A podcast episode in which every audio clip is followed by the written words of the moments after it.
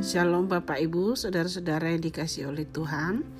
Pagi ini kita kembali merenungkan firman Tuhan yang hari ini kita sudah tiba kepada Yosua pasal yang ke-19.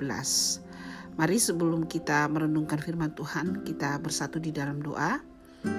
Bapak, terima kasih kami bersyukur untuk anugerahmu satu hari lagi kami bisa bangun dan uh, bisa menjalani kehidupan ini di dalam anugerahmu ya Tuhan.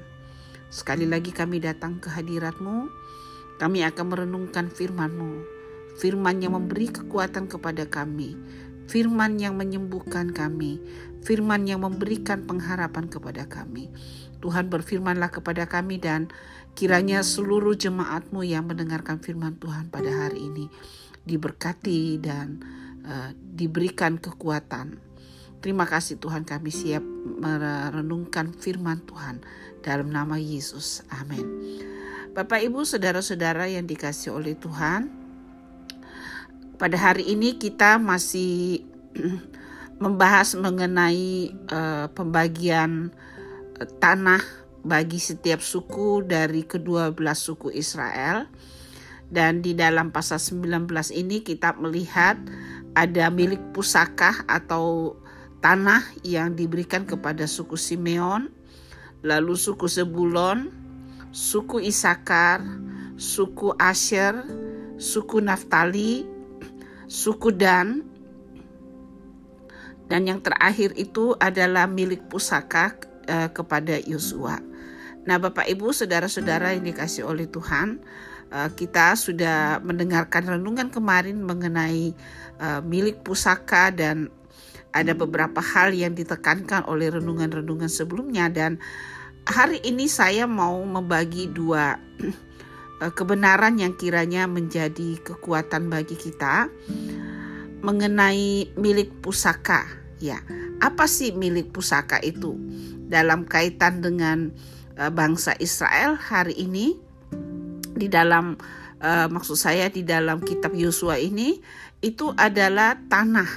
Ya jadi tanah itu menjadi milik pusaka bagi orang-orang Israel. Ya ada 12 suku dan uh, itu tetap ya sampai kepada keturunan-keturunan mereka. Menarik bahwa setiap uh, setelah selesai pembahasan mengenai tanah atau kota-kota yang diberikan kepada suku tertentu selalu akan ditutup ya Milik pusaka Bani Simeon diambil dari bagian Bani Yehuda karena bagian Bani Yehuda itu terlalu besar bagi mereka. Maka Bani Simeon menerima milik pusaka di tengah-tengah mereka. Ya, jadi uh, penjelasan mengenai milik pusaka suku Simeon selalu ditutup dengan uh, maka Bani Simeon menerima milik pusaka di tengah-tengah mereka. Itu ada di ayat 9. Lalu Jebulon di ayat yang ke-16 Itulah milik pusaka Bani Zebulon menurut kaum-kaum mereka. Kota-kota tadi dengan desa-desanya. Kepada suku Isakar. Ayat 23. Itulah milik pusaka suku Bani Isakar menurut kaum-kaum mereka kota-kota itu dengan desa-desanya. Kepada suku Asyar di ayat 31 itulah milik pusaka suku Bani Asyar menurut kaum-kaum mereka kota-kota tadi dengan desa-desanya. Kepada suku Naftali, ayat 39, itulah milik pusaka suku Bani Naftali menurut kaum-kaum mereka, kota-kota itu dengan desa-desanya. Lalu kepada suku Dan, ayat yang ke-48, itulah milik pusaka suku Bani, dan menurut kaum-kaum mereka, kota-kota tadi dengan desa-desanya.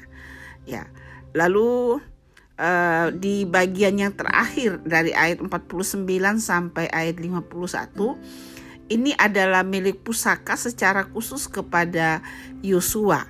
Ya, kenapa Yosua mendapatkan uh, bagian ya walaupun dia ada dari suku Efraim tetapi dia secara khusus mendapatkan bagian tersendiri. Tentu kita sudah tahu bahwa Yosua uh, sangat berperan di dalam memimpin bangsa Israel memasuki tanah Israel ya negeri perjanjian itu dan dia yang memimpin orang-orang Israel untuk menguatkan hati mereka uh, setia kepada Tuhan, selalu semangat, tidak menyerah ketika mereka menghadapi tantangan di dalam penaklukan wilayah-wilayah yang pada ayat 19 ini pasal 19 ini sudah dibagikan kepada masing-masing suku. Jadi kebenaran yang pertama yang saya ingin kita belajar bersama itu mengenai Yosua. Mengapa Yosua mendapatkan bagian secara khusus? Saya percaya bahwa kasih Tuhan itu sama buat setiap orang secara umum. Dan e, bicara tentang Allah yang ingin menyelamatkan kita, tentu diberikan dan secara terbuka dibukakan kepada seluruh bangsa, seluruh umat manusia, dan mereka yang menanggapi akan diselamatkan. Tetapi ada hal yang membedakan pada akhirnya ya tentang bagaimana seseorang hidup menghidupi keselamatannya, menghidupi berkat-berkat dalam hubungannya dengan Tuhan. Ini yang akan membedakan. Dan di dalam hal ini Yosua adalah orang yang kita bisa belajar bagaimana dia begitu setia kepada apa yang dipercayakan kepadanya. Dia tidak menyerah, dia yang berada di depan dan memberikan semangat kepada orang Israel untuk setia, walaupun ada godaan untuk tidak setia, ada godaan untuk berhenti mempercayai Tuhan di tengah-tengah sulitnya berjuang untuk menaklukkan tanah perjanjian.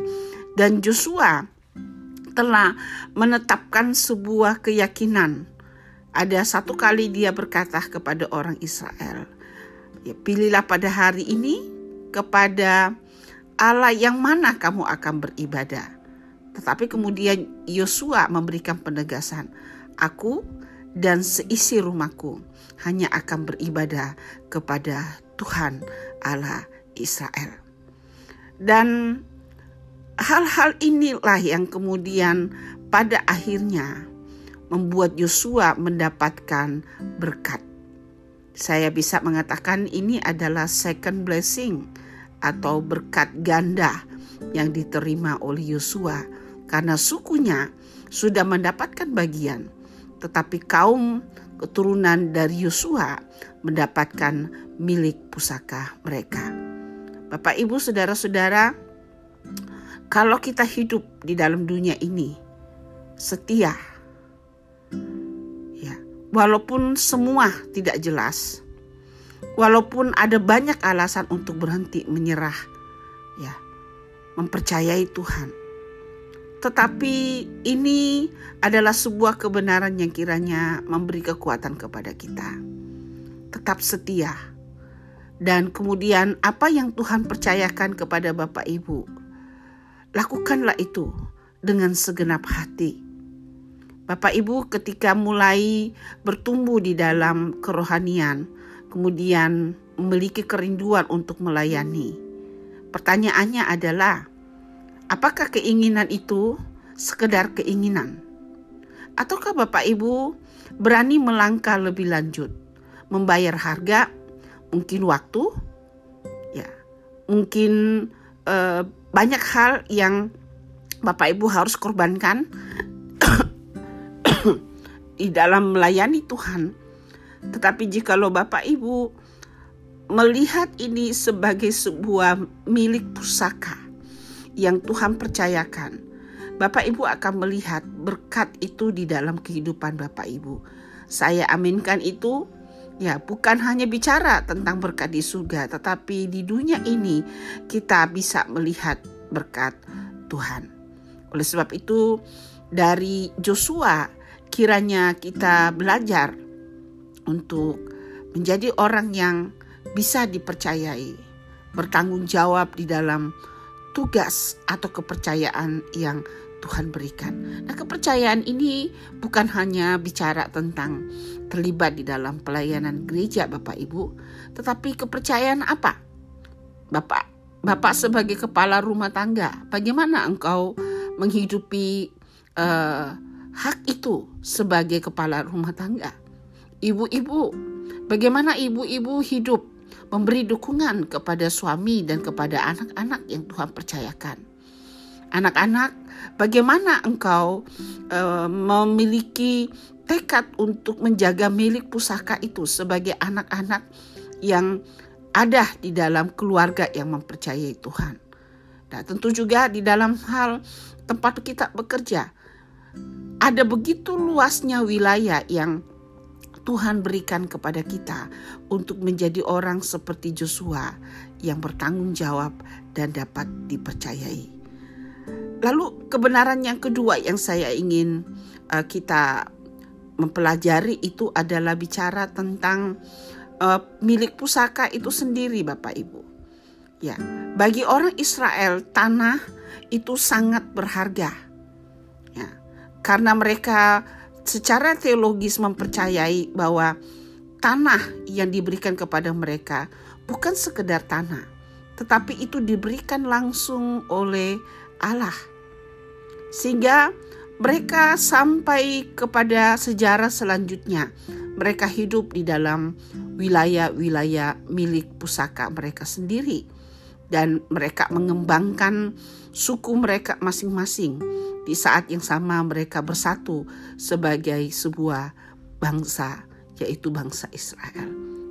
Nah, Bapak Ibu, milik pusaka seperti tanah atau mungkin warisan itu bisa diambil daripada kita tetapi kita perlu mengangkat hati kita untuk melihat bahwa ada milik pusaka yang lebih berharga, yaitu hubungan kita dengan Tuhan.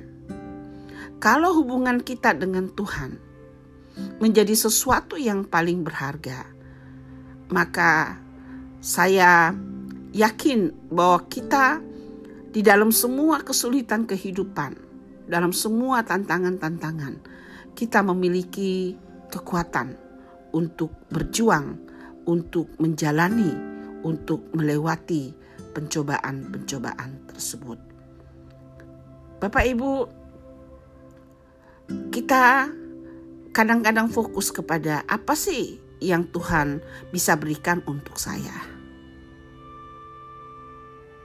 Ada yang melihat uh, kalau saya akhirnya memiliki apa yang saya lihat di tetangga-tetangga saya, ya itu baru bisa membuat saya mengucap syukur. Atau anak-anak muda, waktu engkau memiliki cita-cita, waktu cita-citamu terkabul dengan mudah, barulah engkau bisa berkata, Tuhan itu baik. Tetapi, jikalau Bapak Ibu kita mengembangkan cara berpikir yang lebih luas, iman yang lebih lebar, maka kita tidak lagi melihat hal-hal seperti itu sebagai milik pusaka kita. Hubungan kita dengan Tuhan itulah yang menjadi milik pusaka. Kalau kita punya hubungan yang benar, yang dekat dengan Tuhan, Dia pemilik segala sesuatu, Dia sumber segala berkat. Kita tidak perlu fokus kepada berkat-berkat itu, kita fokus kepada hubungan kita dengan pemilik berkat itu. Kalau seperti itu, Bapak Ibu, apakah kita tidak lagi bisa melihat bahwa Tuhan akan memberkati kita? Dari pengalaman saya, Bapak Ibu, waktu saya fokus kepada Tuhan, waktu saya fokus dengan hubungan saya dengan Tuhan, saya melihat berkat-berkat yang lain mengikuti saya. Bisa dikatakan Bapak Ibu bahwa sejak saya berhenti untuk menguatirkan apa yang ada di tangan saya, apa yang bisa menjamin kehidupan saya, saya merasakan damai dan kemerdekaan yang luar biasa. Saya tidak dikhawatirkan lagi tentang apa yang saya makan, tentang apa yang saya minum, dan segala sesuatu. Oleh karena uh, Tuhan Yesus sendiri sudah berjanji di dalam Matius pasal yang ke-6 ayat 31 kalau tidak salah, di situ dikatakan bahwa segala sesuatu yang dicari bangsa-bangsa itu sudah disediakan oleh Tuhan. Bicara tentang makan, bicara tentang kebutuhan-kebutuhan yang lain.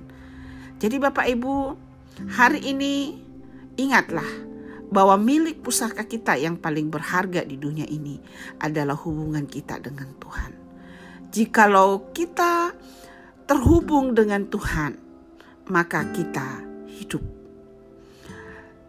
tetapi jikalaupun kita memiliki begitu banyak hal di dunia ini, tetapi kita tidak terhubung dengan Tuhan, kita mati. Bapak Ibu, pada hari ini, pagi ini, mari kita membaharui hubungan kita dengan Tuhan. Kita sekali lagi membuat sebuah tekad bahwa Tuhan adalah yang paling berharga di dalam hidup kita. Lalu kemudian yang kedua, belajar dari Yosua kita menjadi orang yang bisa dipercayai dan bertanggung jawab di dalam semua apa yang Tuhan berikan. Bapak Ibu, Tuhan memberkati Bapak Ibu. Tuhan akan menolong Bapak Ibu dan Tuhan akan terus berjalan bersama-sama dengan Bapak Ibu. Kiranya Tuhan menolong kita untuk hari ini dan selanjutnya kita mengatakan hanya kau milikku di surga. Sama seperti pemazmur mengatakan. Dan tidak ada yang lain, hanya Tuhan. Tuhan memberkati Bapak Ibu. Mari kita berdoa sekali lagi. Tuhan kami bersyukur buat firman-Mu yang mengingatkan kami bahwa di tengah dunia ini Engkaulah yang paling berharga. Dan Engkau adalah sumber dari segala berkat. Itu sebabnya kami memfokus kepada Engkau kami mau menghargai Engkau di dalam kehidupan kami, dan kami akan menjadi penanggung jawab, menjadi orang-orang yang bertanggung jawab untuk kepercayaan-kepercayaan yang Tuhan berikan kepada kami. Karena firman-Mu berkata orang yang setia itu diberkati. Terima kasih Tuhan, terima kasih.